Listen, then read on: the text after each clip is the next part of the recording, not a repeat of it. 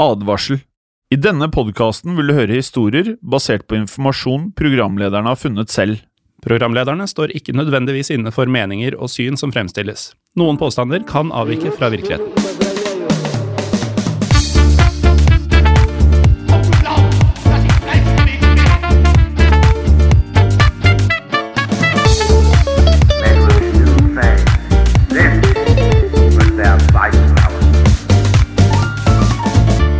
Velkommen til en eh, helt ny episode av Historiepodden andre verdenskrig. Ikke vanlig Historiepodden. Mitt navn er Morten Galaasen. Og mitt navn er Jim Fosheim. Og når jeg sier at det ikke er vanlig Historiepodden Jim, så er det fordi vi har en podkast til som bare heter Historiepodden. Det er helt riktig. eh, Hvor vi da går gjennom verdenshistorien og alt mulig, egentlig. Fra alle tider, alle land eh, osv. Altså, for, bare for å si litt om spennet der. Vi har eh, en øloversvømmelse, altså en flom bare av øl. Ja. Og i samme podkast så prater vi om eh, svartedauden. Ja. Det er ganske forskjellig. ja. Vi prater også om ting som har med annen verdenskrig å gjøre der. Vi har flere episoder om det. Det, er jo, det var mer av det før. Det er var jo litt av grunnen til at vi starta denne. For uh, i denne podkasten så er det Det er fristende å si at det kun er andre verdenskrig som gjelder, men det er ikke helt uh, riktig. Ganske langt unna. Ja. Men det er basert på annen verdenskrig, i hvert fall. Ja. Så det vi prøver å si, Morten, er at eh, hvis man har interesse, noen kaller det kanskje hangup, på årene mellom 1939 eh, og 1945, mm. så er dette en podkast for deg, mest sannsynlig. Ja. Og har du dukka opp her, så vet du kanskje det allerede, men eh, jeg er enig. Ja, ja. Men det skal midlertidig også sies at vi dekker da, som du sier, både perioden før, under og etter. Men i dag skal vi lande trygt i de ekte krigsåra, og vi skal til et sted som de færreste verken tenker på eller forbinder med annen verdenskrig, og jeg er en av de. Ja, jeg også. For eh, de aller fleste tenker jo at det mest spennende under krigen det foregikk i Tyskland, Sovjetunionen, Frankrike, Italia, selvfølgelig Norge. Ja, altså Japan, Kina, Stillehavet, Afrika, eh, store deler av verden. Og nå har jeg jo egentlig nevnt nesten hele verden, men eh, ikke hele. Nei, for eh, vi har nemlig ikke vært innom Island før i denne podkasten. Nei, og det tror jeg nesten gjelder vanlig historiepodden også. Vi har vel knapt nevnt til Island ved navn. Jeg tror ikke vi har det. Eh, og det er jo et viktig historisk sted, det også.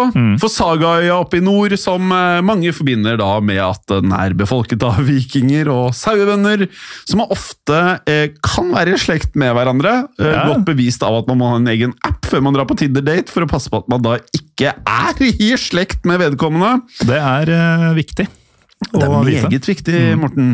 Um, for også i dette isolerte hjørnet av verden så er det en, en historie eller to å hente fra andre verdenskrig. Og i dag skal vi da snakke om Englands invasjon og de alliertes okkupasjon av Sagaøya.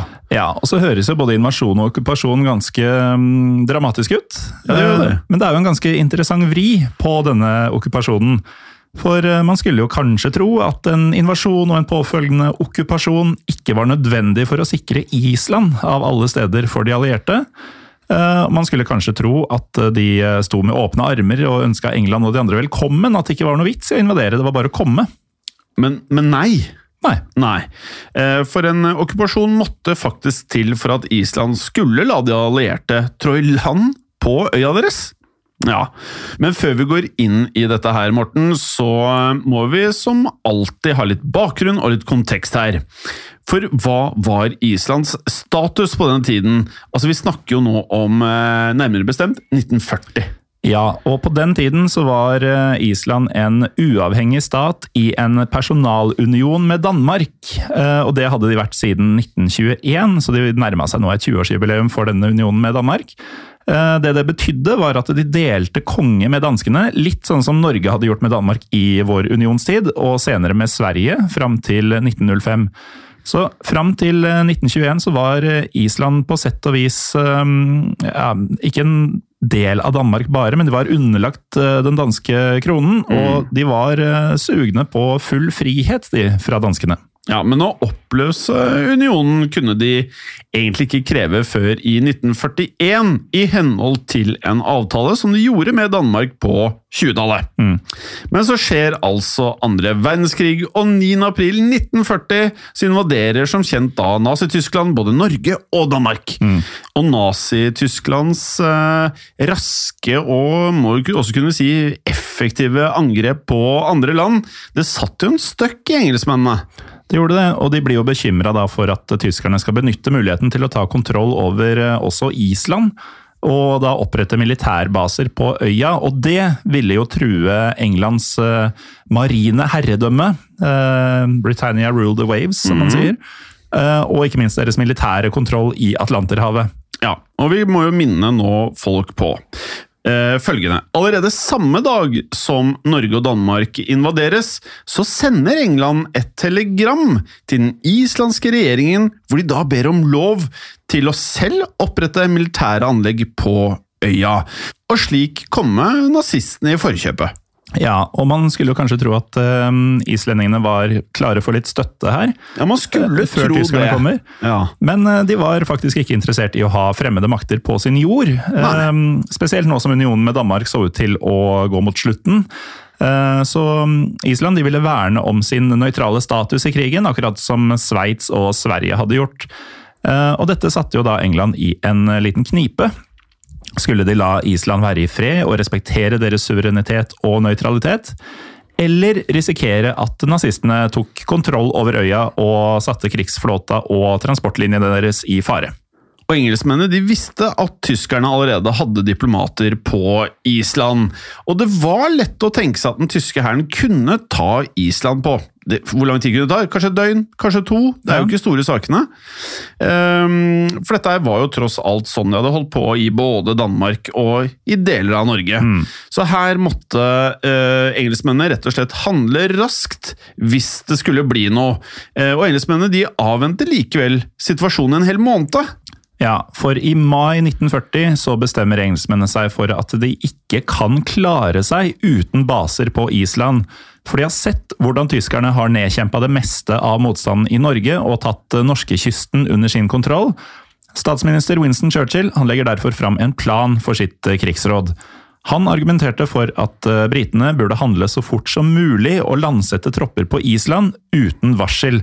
For nå kan rett og slett ikke islendingene stå i veien lenger, mente Churchill. Med andre ord, Morten, så ser man her at de store nasjonene de brukte de mindre eh, statene, nasjonene, til å strategisk posisjonere seg her i krigen. Ja, det var de store som bestemte, mente de. Ja, mente de. Eh, engelskmennene var eh, forberedt på noe motstand, både fra det lokale politiet faktisk på Island. Dem var det ikke mange av. Nei, for det var 60 mann. Det var politiet på hele Island. Det var politiet på hele Island, men mest fra, fra de tyskerne som da faktisk fantes på Island fra før. Eh, og vi er jo veldig opptatt av eh, navn på operasjoner her i eh, historiebånden. Og dette må jeg si er en av mine favorittoperasjonstitler. Ja, da kan du jo ta oss gjennom hva det het, da. Operation Fork. Ja.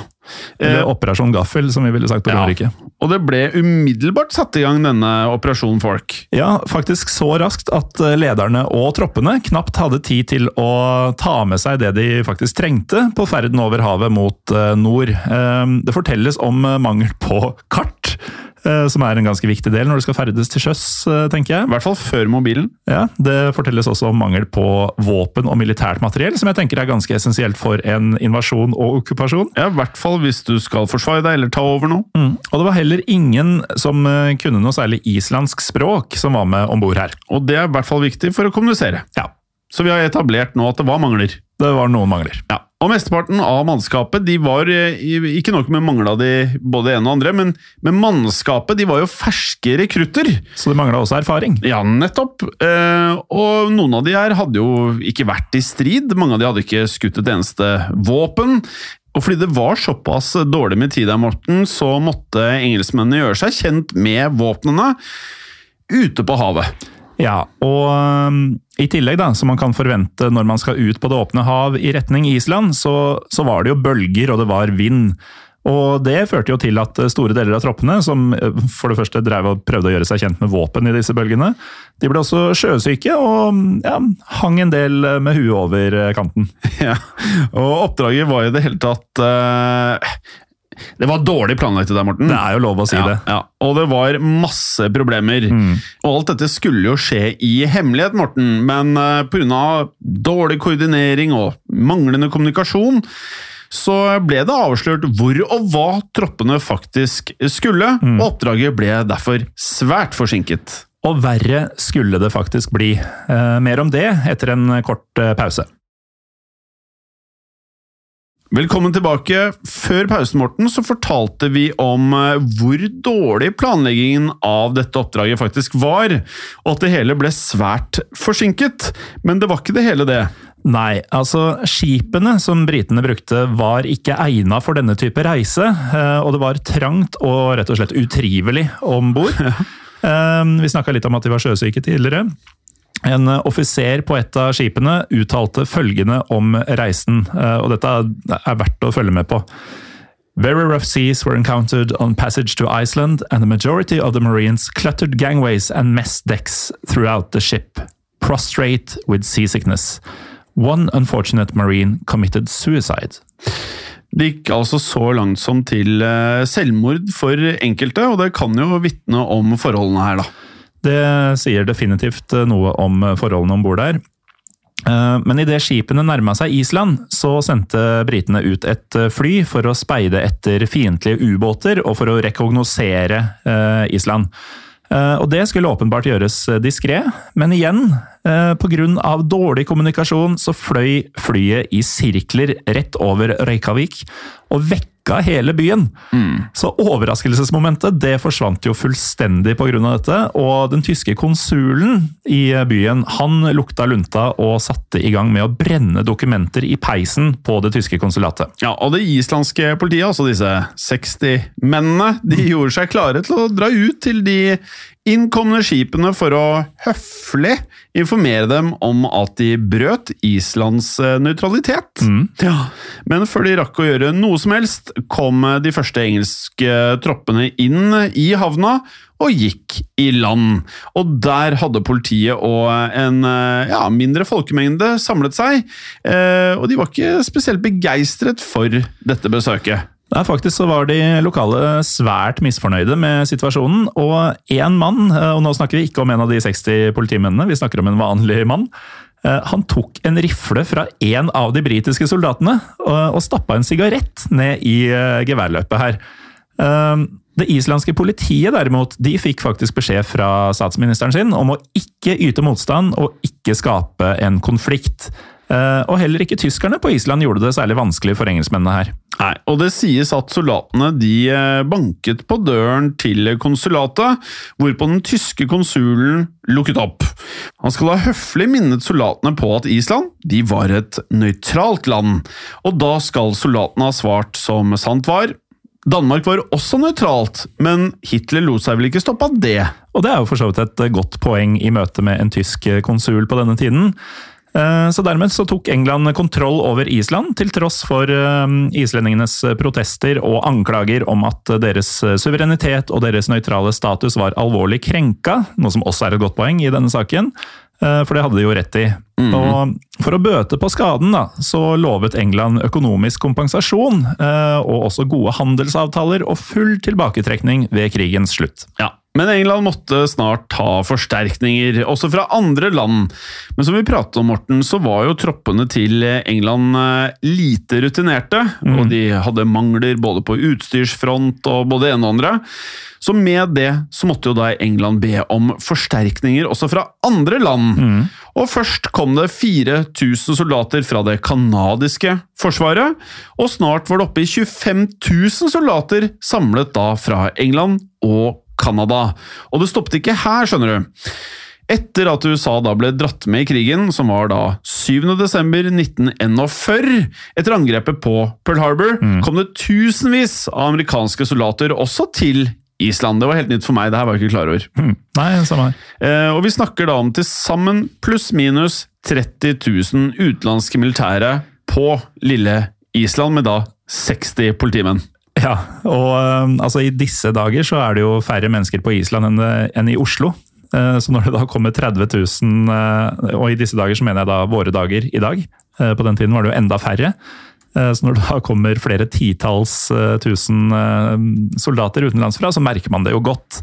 Og eh, folketallet det økte jo dramatisk på Island, for det eh, militært personell utgjorde nå hele 25% av befolkninga på Island, og 50% av den mannlige befolkninga. Ja, det er jo ganske store forskjeller da, Morten.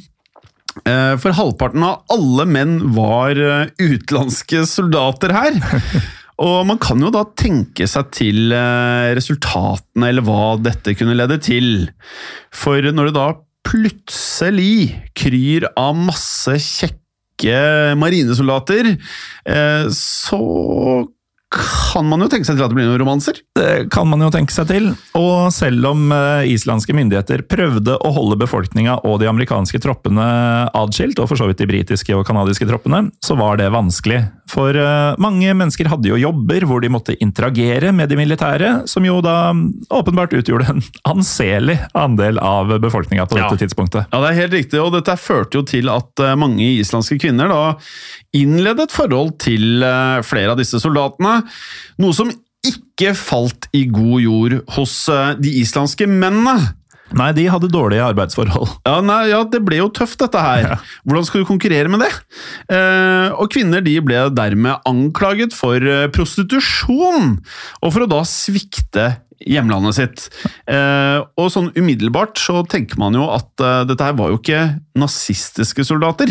Nei, Så kanskje disse kvinnene ble det var ja. kanskje litt i overkant eh, av reaksjoner. Ja, Men samtidig så er man jo da under okkupasjonen. ja da, det er, eh, det er sant det, altså. Eh, Så dette skapte jo da enorme kontroverser, som man nå skjønner, eh, og delte på mange måter dette bitte lille Island i to, når det da kom til hvordan man skulle takle denne situasjonen, som på islandsk refereres til som Astandu.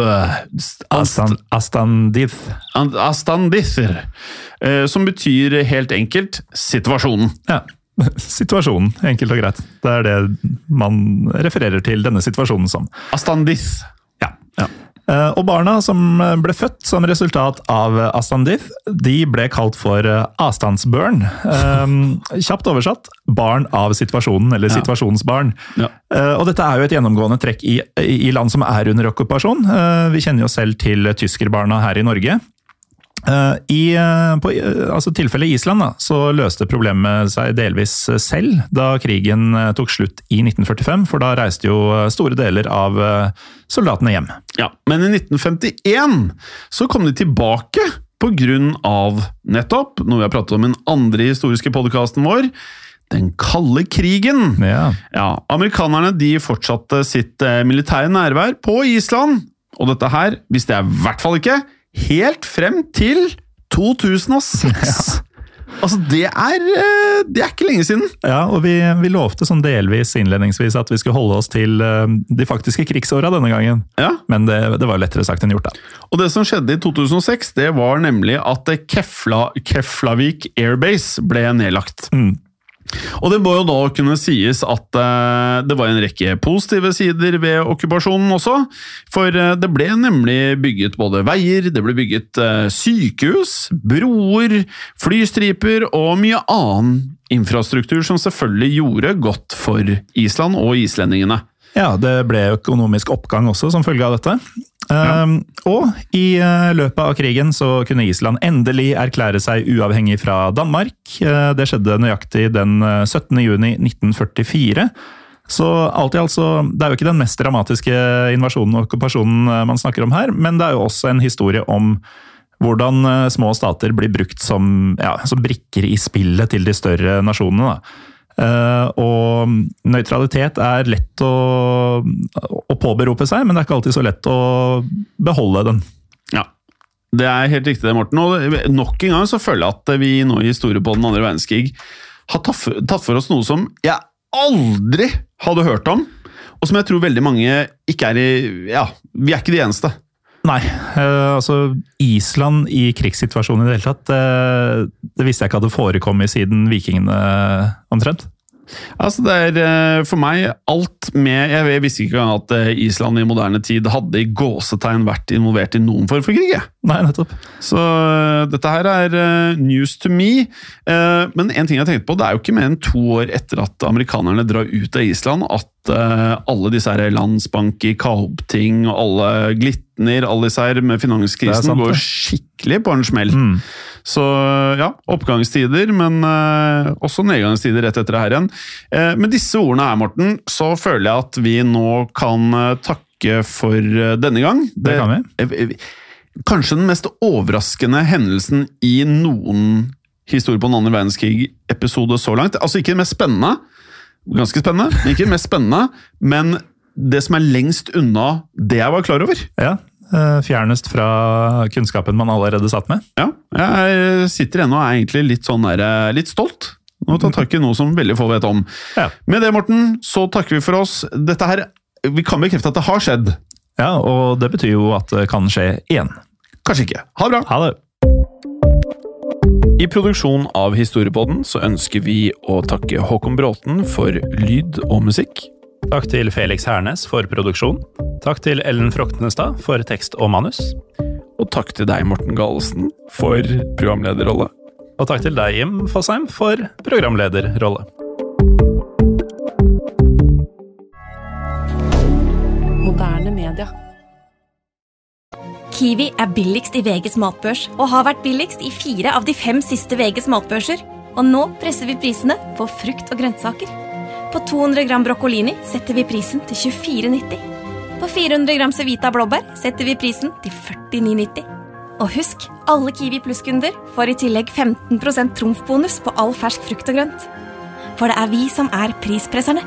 Og vi i Kiwi gir oss aldri på pris.